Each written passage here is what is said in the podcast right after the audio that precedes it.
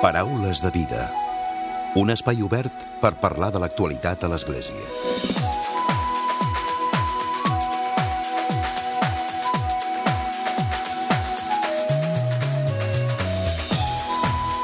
Què tal? Salutacions i molt bon dia, molt bon diumenge. Aquests dies s'ha presentat la campanya solidària Cap Infant sense colònies, amb la qual la Fundació Pere Tarrés vol garantir l'educació en el lleure dels nens i nenes sense recursos. Per aquest any, per aquest 2019, l'entitat preveu un increment del 5% de les beques per colònies i també per casals d'estiu.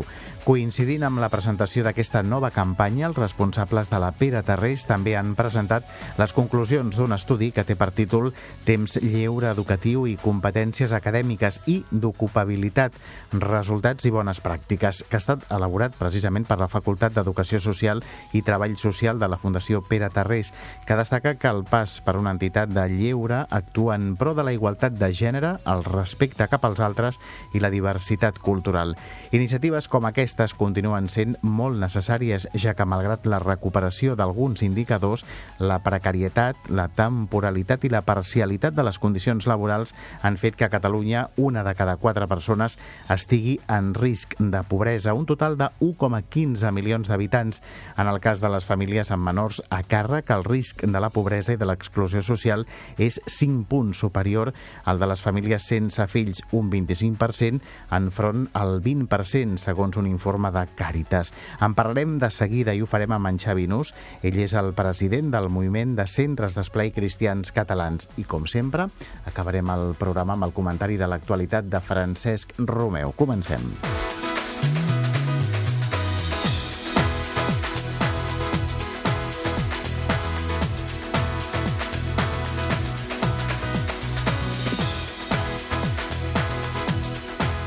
Xavi, bon dia i benvingut. Molt bon dia. Novament ens acompanyes al Paraules de Vida per parlar de les colònies, oi? Ja està tot en marxa, no? Sí, ja està tot en marxa. De fet, arribar ja a aquestes dates, mes de maig, finals de, finals de curs, vol dir iniciar ja i pensar, pensar en l'estiu. Acaba, acaba l'escola i això vol dir que molts monitors, més de 4.000, la major part d'ells voluntaris del centre d'esplà i les activitats que també farà la Pere Tarrés, inicien ja eh, les preparacions, les planificacions, perquè tot estigui punt ja a partir del dia 22 de juny, que iniciaran les més de 600 activitats que tindrem aquest estiu. Uh -huh. Després en parlarem d'aquestes activitats i de com s'ha programat tot plegat, però ara ja aquests dies, de fet, ja es fa visible a través de la campanya institucional, no? que de fet, els, eh, els mitjans de comunicació ho cedeixen, no?, com a fundació. Sí, cedeixen un espai. Aquesta setmana, de fet, està sortint a, a TV3 la campanya, no?, aquest Cap Infant sense colònies, que el que pretén és a buscar donatius no? per fer possible que també molts infants que igual no tindrien la possibilitat de participar a aquestes activitats hi puguin participar. L'any passat parlàvem d'aquests de més de, més de 4.000 4.000 beques a, a infants que es van donar per participar a les activitats. Aquest any volem anar una mica més i això és gràcies no? i possible a les donacions de, de particulars, d'empreses i també als, a les subvencions que tenim de les administracions perquè això sigui possible. Uh -huh. És una campanya aquesta que ja té un llarg recorregut no? i que el que feu vosaltres és precisament que cada any intenteu ajudar més famílies no? que tenen pocs recursos i que per tant no poden portar el seu fill de colònies o casals. Sí, al, al final el que es pretén és que cap infant no, eh, es quedi sense poder gaudir d'unes activitats d'estiu. El lleure ha de ser un dret no, per, per aquests infants i de fet en, en aquest estudi que, que, que, que, que presentàvem no, uh mhm. -huh. eh, quines competències no, tant, tant laborals com, com acadèmiques guanyen i, per tant, és un espai on també, a part de guanyar aquestes competències, poden conviure amb altres infants i també no, eh, treballar tota una sèrie d'hàbits de vida saludable que els pretén tindre també una, una salut més, un benestar millor, no? emocional i també físic. Uh -huh. Parlem precisament de l'estudi, no? que coincideix, l'heu presentat fa, fa pocs dies, i una de les principals conclusions parla precisament de la importància no? que un infant pugui gaudir de, de les colònies, no? dels casals. Sí, de fet, portem molts anys, molts anys dient-ho, no? I, i, I estiu, rei, estiu, i també durant el curs és important que puguin participar en Ara aquestes, constateu, aquestes activitats. No? Ara diríem, no ho constatem amb un estudi que creiem que també era necessari poder no? eh, eh, fer un estudi sobre això i, i s'han buscat una sèrie d'indicadors que ens donen resultats en què això realment així, no? Eh, milloren aquestes competències acadèmiques i això vol dir que obtindran millors resultats a, a l'escola i això al final és igualar unes oportunitats amb altres infants que potser eh, els seria més complicat, i després també de forma laboral, no? quan, quan surtin al mercat laboral, a aprendre a, a resoldre conflictes, a millorar la seva manera de treballar en equip, no? i aquestes conferències faran que d'alguna manera no? iguali, no? igualem oportunitats a, amb aquests infants que potser no les tindrien. Uh -huh. I és el factor que parleu, no? de trencar amb la, amb la pobresa, no? I amb aquest factor no? d'exclusió de, de, que fa que moltes persones no ho puguin, infants no ho puguin gaudir. No? Sí, al final dèiem, eh, aquestes xifres que, que comentaves al principi, d'un de cada quatre sí que amb famílies eh, amb, amb aquesta precarietat no? econòmica, els infants encara ho pateixen més, i al final es pot crear aquest cercle, no? que és complicat sortir o trencar aquesta, aquest, aquest sostre eh, que tindrien aquests infants. I participar en aquestes activitats, sobretot també les activitats durant el curs que fan els centres socioeducatius, no? que, que, on participen aquests infants que potser al sortir de l'escola no tindrien una persona que els acompanyés a fer els deures, a fer unes activitats, ajuden no, aquests infants a que després, quan arriben a, a, a l'aula, no, se puguin igualar també amb els altres infants que potser tenen aquestes possibilitats que ells no tindrien. Parlem de l'estudi, de com s'ha fet. Ho heu fet a través de les dues facultats, no? la d'Educació Social i Treball Social. Sí, ho hem fet a través de la, de la que estan a la mateixa, la mateixa seu, que és la facultat que tenim a la Fundació Pere Terresa d'Adri de la Universitat Ramon Llull, i ells han liderat eh, aquest estudi amb diferents centres eh, de Catalunya, Mallorca i també de la resta de l'estat espanyol, amb uns quants centres on s'han seguit no? una sèrie de, de nois i noies i infants que participen en aquestes activitats estudiant una mica això, no? aquesta, aquesta millora, sobretot en les competències acadèmiques. Uh -huh. L'any passat, eh, 4.020 becats, una xifra important, no? Sí, eh, és, és una xifra important. Eh, al final sí que és veritat que en els últims anys s'ha pogut anar estabilitzant una mica més el, el nombre aquest els primers anys, potser va pujar més ràpidament i la crisi en va ser, però això dona constància que sí que hi ha gent potser que s'ha quedat no, en aquest cercle també del, a vegades al voltant de la pobresa eh, que no permeten participar en aquestes activitats i per tant no està en el nombre eh, sinó al final és intentar arribar a tots aquells que, que realment ho necessitin perquè puguin participar en aquestes activitats. Uh -huh. Parlem també de com feu el procés d'assignació de, de les beques, no? Hi ha tot un protocol, no? un procediment de, també de comprovació, no? Sí, de, de revisió i realment eh, que, que aquests infants que, que es bequin realment no, eh, necessitin, com que tampoc no, els recursos acaben sent eh, limitats, són, no? no?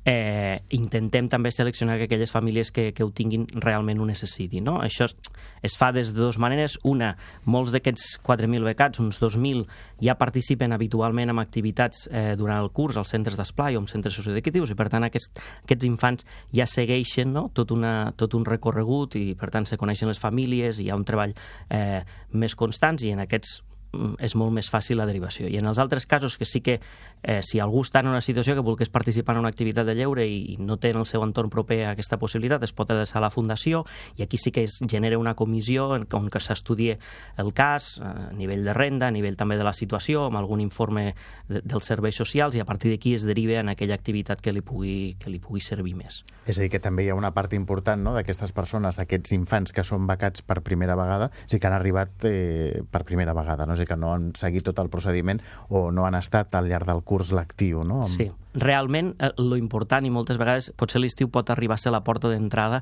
a que després no, entrin també en unes activitats durant el curs, perquè al final l'estiu és un moment molt important en el qual no hi ha escola no? i potser eh, aquests, aquests infants, i també depèn de la realitat, potser serà més necessari que vagin a un casal o que, o que estiguin en unes colònies, però si és possible no, que li puguem donar una continuïtat durant tot el curs, eh, garantim no, que aquest infant també té tota una atenció durant tot l'any. Uh -huh. Parlem a nivell de, de xifres també més globals, no? de totes les activitats que s'emmarquen a, a la Fundació, la Fundació Pere Tarrés i també els centres d'esplai que estan federats. No? El moviment hi ha més de, més de 30.000 infants. Sí, que participaran en totes, en tot, aquestes, en de, totes manera global, no? de manera global en totes aquestes activitats. No? -huh. des, dels, des dels que faran els 200 centres d'esplai que tenim ara mateix eh, federats a la Fundació Pere Tarrés en el marc del moviment de centres d'esplai cristians catalans, de Catalunya, Mallorca i, i Andorra, eh, acompanyats pels monitors, en molts casos d'ells aquests infants seran els mateixos que també hi han participat de les activitats durant el curs i per tant és un, el punt final no, d'aquestes activitats.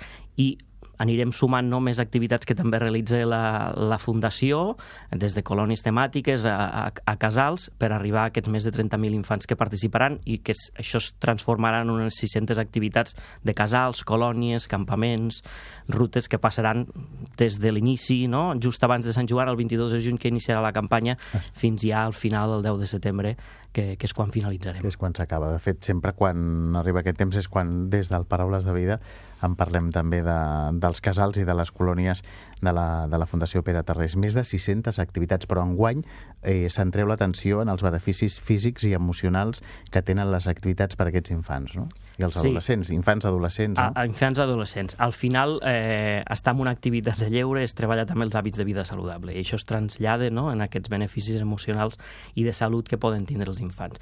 A les activitats, més enllà de aquella excursió que podràs fer, que ens mantindrà actius, aquell, aquella manualitat, no? aquella gincama, aquell joc, els moments de piscina, hi ha tot un espai no? que en diem el quotidià, no? allò que passa quan el moment de llevar-nos, en el moment dels, en el moment dels àpats, abans de dinar, no? després, els temps lliures, que també és un temps educatiu molt important, on, on els infants no poden adquirir aquests hàbits de rentar-se les mans abans d'entrar a, a, a menjar, no? Uh -huh. eh, menjar de tot, que això també és important, no? I provar aquells plats que potser no t'agradarien, no? Acostumar-se a estar amb altres, a mantenir l'habitació ordenada. És i, per que hi ha com una certa disciplina, també, no? Entre sí, cometes, no? Al, al, al final és mantindre un cert ordre, no? Eh, I marcar un horari i seguir, no allò a rajatabla, no? però sí que és important mantenir una rutina. I això genera uns hàbits positius i al final acaba no? generant una seguretat també als infants i generant també aquest benefici no?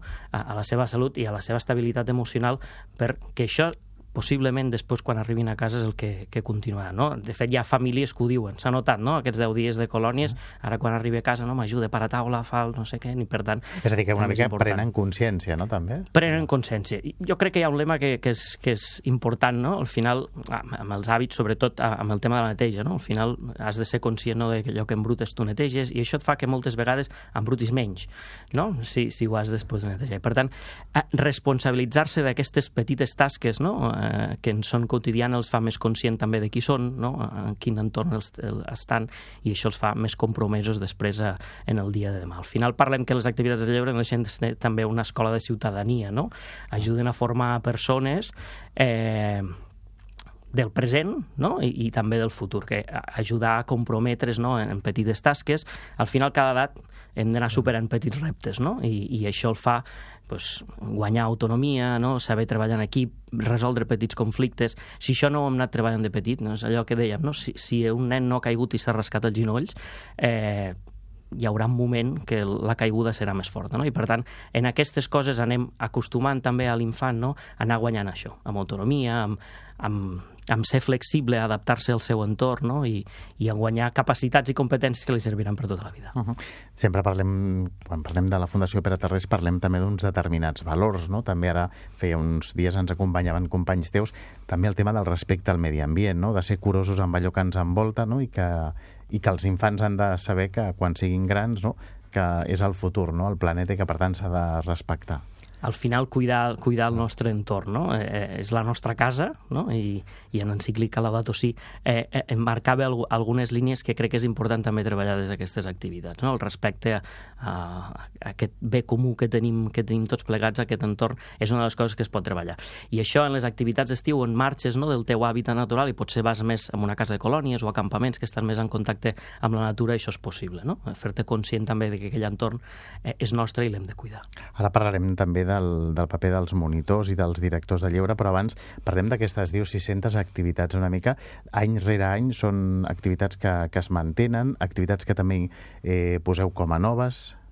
Sí, de fet, eh, hi ha una cert... anem mantenint, eh? però sí que es va, sobretot en les activitats pròpies de, de la Fundació, es va provant noves activitats eh, més temàtiques i esportives, el, les de cuina, no? I, i anem també provant de, de donar altres alternatives en aquestes activitats per fer-les una mica diferents. Tot amb el rerefons que dèiem abans, eh? al final lo important també serà tot treballar tots aquests hàbits eh, de vida saludable, però aportant, aportant també a, a, algun contingut en això. I mantenim també, els centres d'esplais també es van reinventant potser en els llocs on van, en les cases de colònies on participen, en el centre d'interès, que al final no deixa de ser un eix temàtic, no? on se treballen també continguts, eh, pues, l'era medieval, el circ, no? I, i això ajuden també a dinamitzar aquestes, aquestes activitats. Uh -huh. Activitats i llocs on van els nens que també són en un entorn eh, el, més adequat, no? Sí, al final eh, també és important que el lloc on anem, no? i això ens ajuda a les activitats estiguin en condicions. No? I de fet també la Fundació Pere Terré gestiona tota una sèrie de casa de, de colònies que ofereix no? als centres d'esplai ah, perquè puguin fer aquestes, aquestes activitats.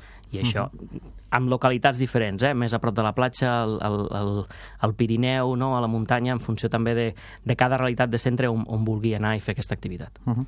Parlem també, Xavi, del paper dels monitors que és clau, no? És, és essencial. Clau. Al final hem parlat molt dels infants, però la peça fonamental, la peça també, fonamental no? perquè es puguin fer aquestes activitats són els més de 4.000 monitors que participaran en aquestes activitats i ja fa temps que treballen no? pensant, dissenyant, no? buscant els llocs on faran aquella sortida o, o aquell taller o aquella gincama que faran, faran a la tarda.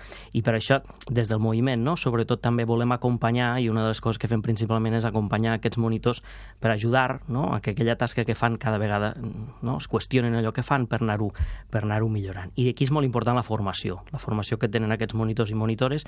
L'estiu també és un moment per aprofitar a, aquesta formació. De fet, des de la Fundació Pere Tarrés eh, s'ofereixen tot un seguit de, de formacions eh, durant els mesos de juny, juliol, agost, i en concret eh, ofert ja als, als monitors i monitores del, del moviment acostumem a fer una edició del que en diem els cursos residencials amb, amb cases de colònies on estan 10 dies no? donant la formació pròpia del curs de monitors i directors per tindre eh, les certificacions que després també necessitem per les activitats, però a part generem tot aquest espai de, de convivència entre ells, de coneixença, de compartir no, aquelles coses que, que fas. És una manera també de sortir no, del teu cercle i veure altres maneres de fer. I, tornen, d'alguna manera, al seu centre amb les piles carregades no, per continuar engegant ja el curs. Sou capdavanters, no?, des de la Fundació Pere Tarrés a l'hora de formar els monitors, no?, i de que hi hagi una credibilitat i una... una doncs això, no?, que la gent, quan ho veu, eh, sap que hi ha solvència.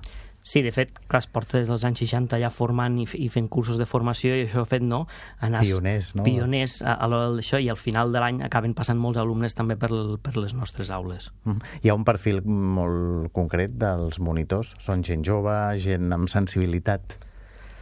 Ha anat canviant i, i han, passat, han passat diverses d'això. Sí que mantenim també el, el monitor aquell de 18, 19, 20 anys que en molts casos ha estat centre de, ha estat nen d'un centre d'esplai, no, que, ha estat, que ha estat d'això i per tant emmirallat amb aquells monitors que han sigut referents, dèiem la importància del monitor, doncs, al final acaben siguent referents per aquells infants, acaben decidint en un moment també passar a ser monitors i per tant aquests a, acaben fent la, la formació.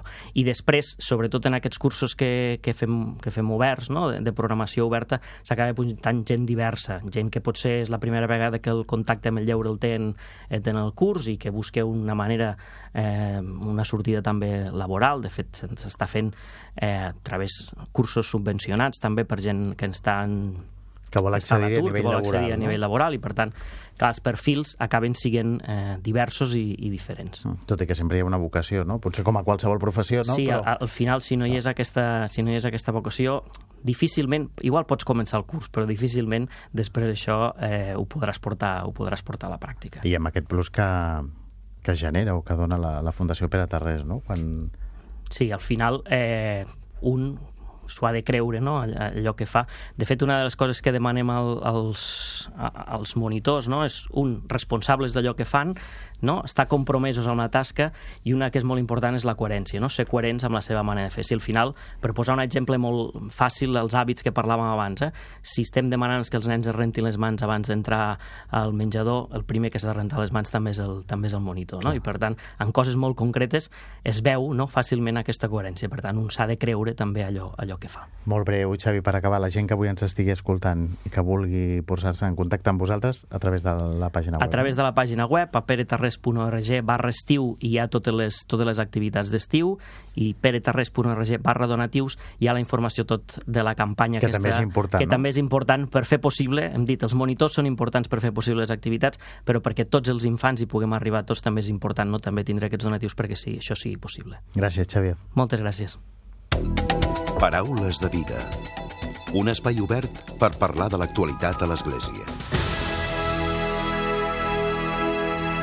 I tot seguit arriba el comentari de l'actualitat de Francesc Romeu. Francesc, molt bon dia. Molt bon dia a tothom.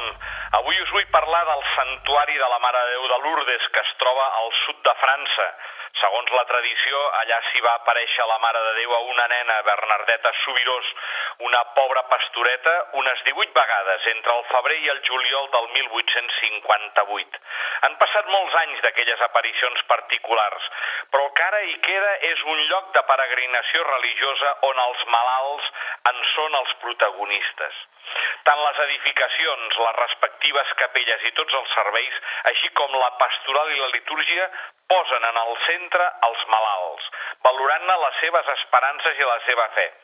Us dic tot això per recordar-vos que l'hospitalitat de la Mare de Déu de Lourdes, de les diòcesis de Barcelona, Sant Feliu i Terrassa, pelegrinarà a Lourdes del 27 de juny a l'1 de juliol i del 26 al 30 de setembre, acompanyant persones malaltes o discapacitades. L'entitat realitza dos pelegrinatges a l'any amb aproximadament unes 700 persones i ens demana voluntaris.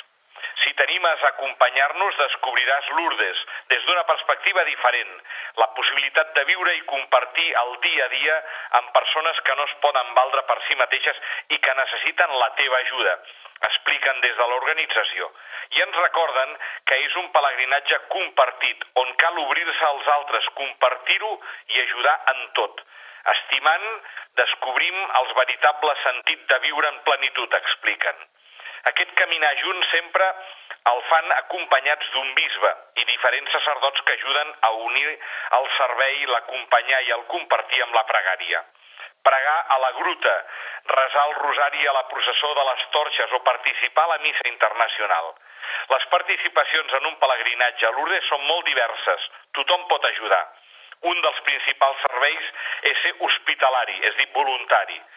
Es necessiten voluntaris al servei de sales és l'equip d'hospitalaris principal que es lleva el primer i que va a despertar les persones malaltes i a organitzar les habitacions, dutxes, afaitar, pentinar, fer llits, lavabos, etc.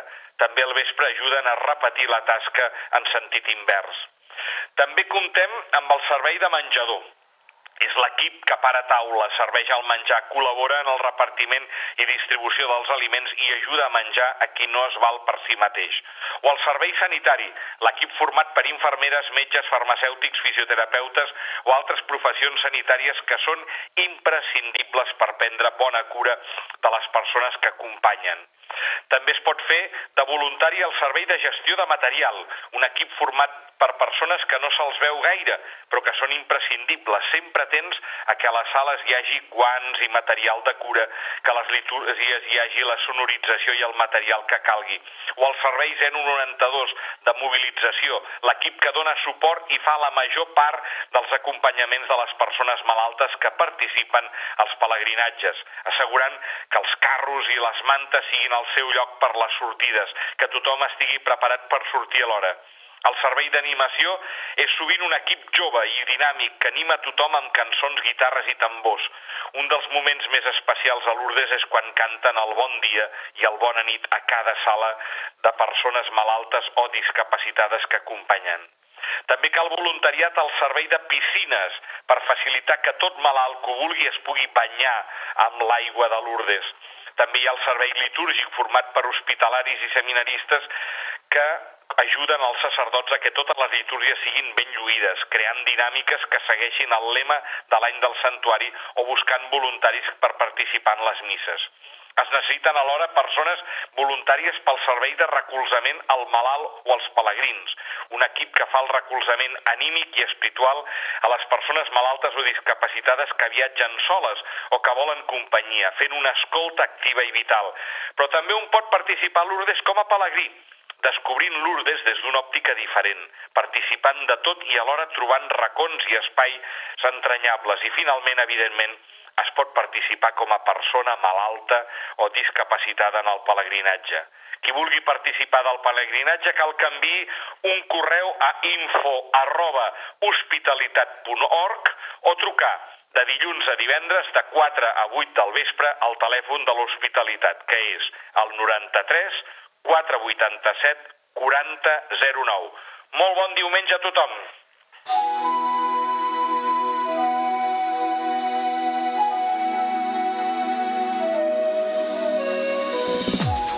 Fins aquí el Paraules d'aquesta setmana d'aquest diumenge. En Sergi Cotillas ha estat el control tècnic i qui us ha parlat l'Emili Pacheco. Que passeu bon diumenge i molt bona setmana.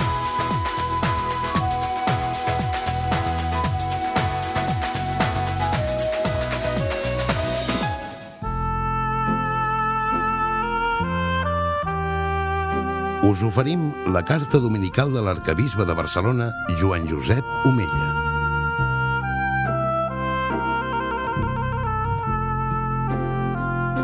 Déu vos guard. Ja s'ha iniciat el procés de preparació del Congrés General de Laics que se celebrarà a Madrid al febrer de 2020. El títol d'aquesta iniciativa és ben eloquent. Poble de Déu en sortida. Una vegada més, quan parlem de sortir, no ens referim únicament a donar testimoniatge fora del temple de la parròquia, sinó que fem una invitació a sortir de nosaltres mateixos, dels nostres espais de confort, per oferir als altres l'experiència d'un encontre joiós. En aquest mateix sentit, el proper diumenge 2 de juny, a les 6 de la tarda, a la Basílica de la Sagrada Família, celebrarem una trobada de seguiment del Pla Pastoral Diocesà Sortim, orientacions i propostes per una conversió pastoral a l'arxidiòcesi de Barcelona.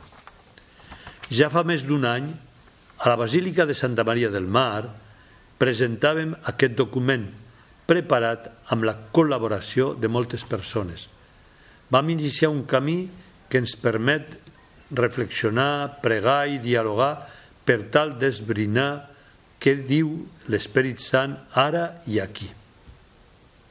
El pla diocesà recull unes idees fonamentals, amb propostes pastorals que han d'orientar i promoure l'acció de l'Església a l'arxidiòcesi de Barcelona als propers anys. Aquest curs ens hem proposat viure la fraternitat per afavorir un clima de consens i comunió que faci possible una evangelització més eficaç. Recordar que és Crist qui ens agermana és el primer objectiu. Un any després, renovo la invitació que us feia per sortir a l'encontre dels germans i germanes que tenim prop nostre i no coneixem. Fem l'esforç de sortir de nosaltres mateixos, de la nostra comoditat, de les nostres pors, per descobrir en l'altre la presència de Déu que ens parla. Tant de bo la comunitat cristiana pugui ser testimoni d'una bona comunió en la diferència. L'Església que peregrina a Barcelona procura seguir aquest full de ruta que ens ajuda a fer un camí de conversió pastoral i que ens prepara interiorment i comunitàriament a fer el pas d'una església de manteniment a una església en sortida.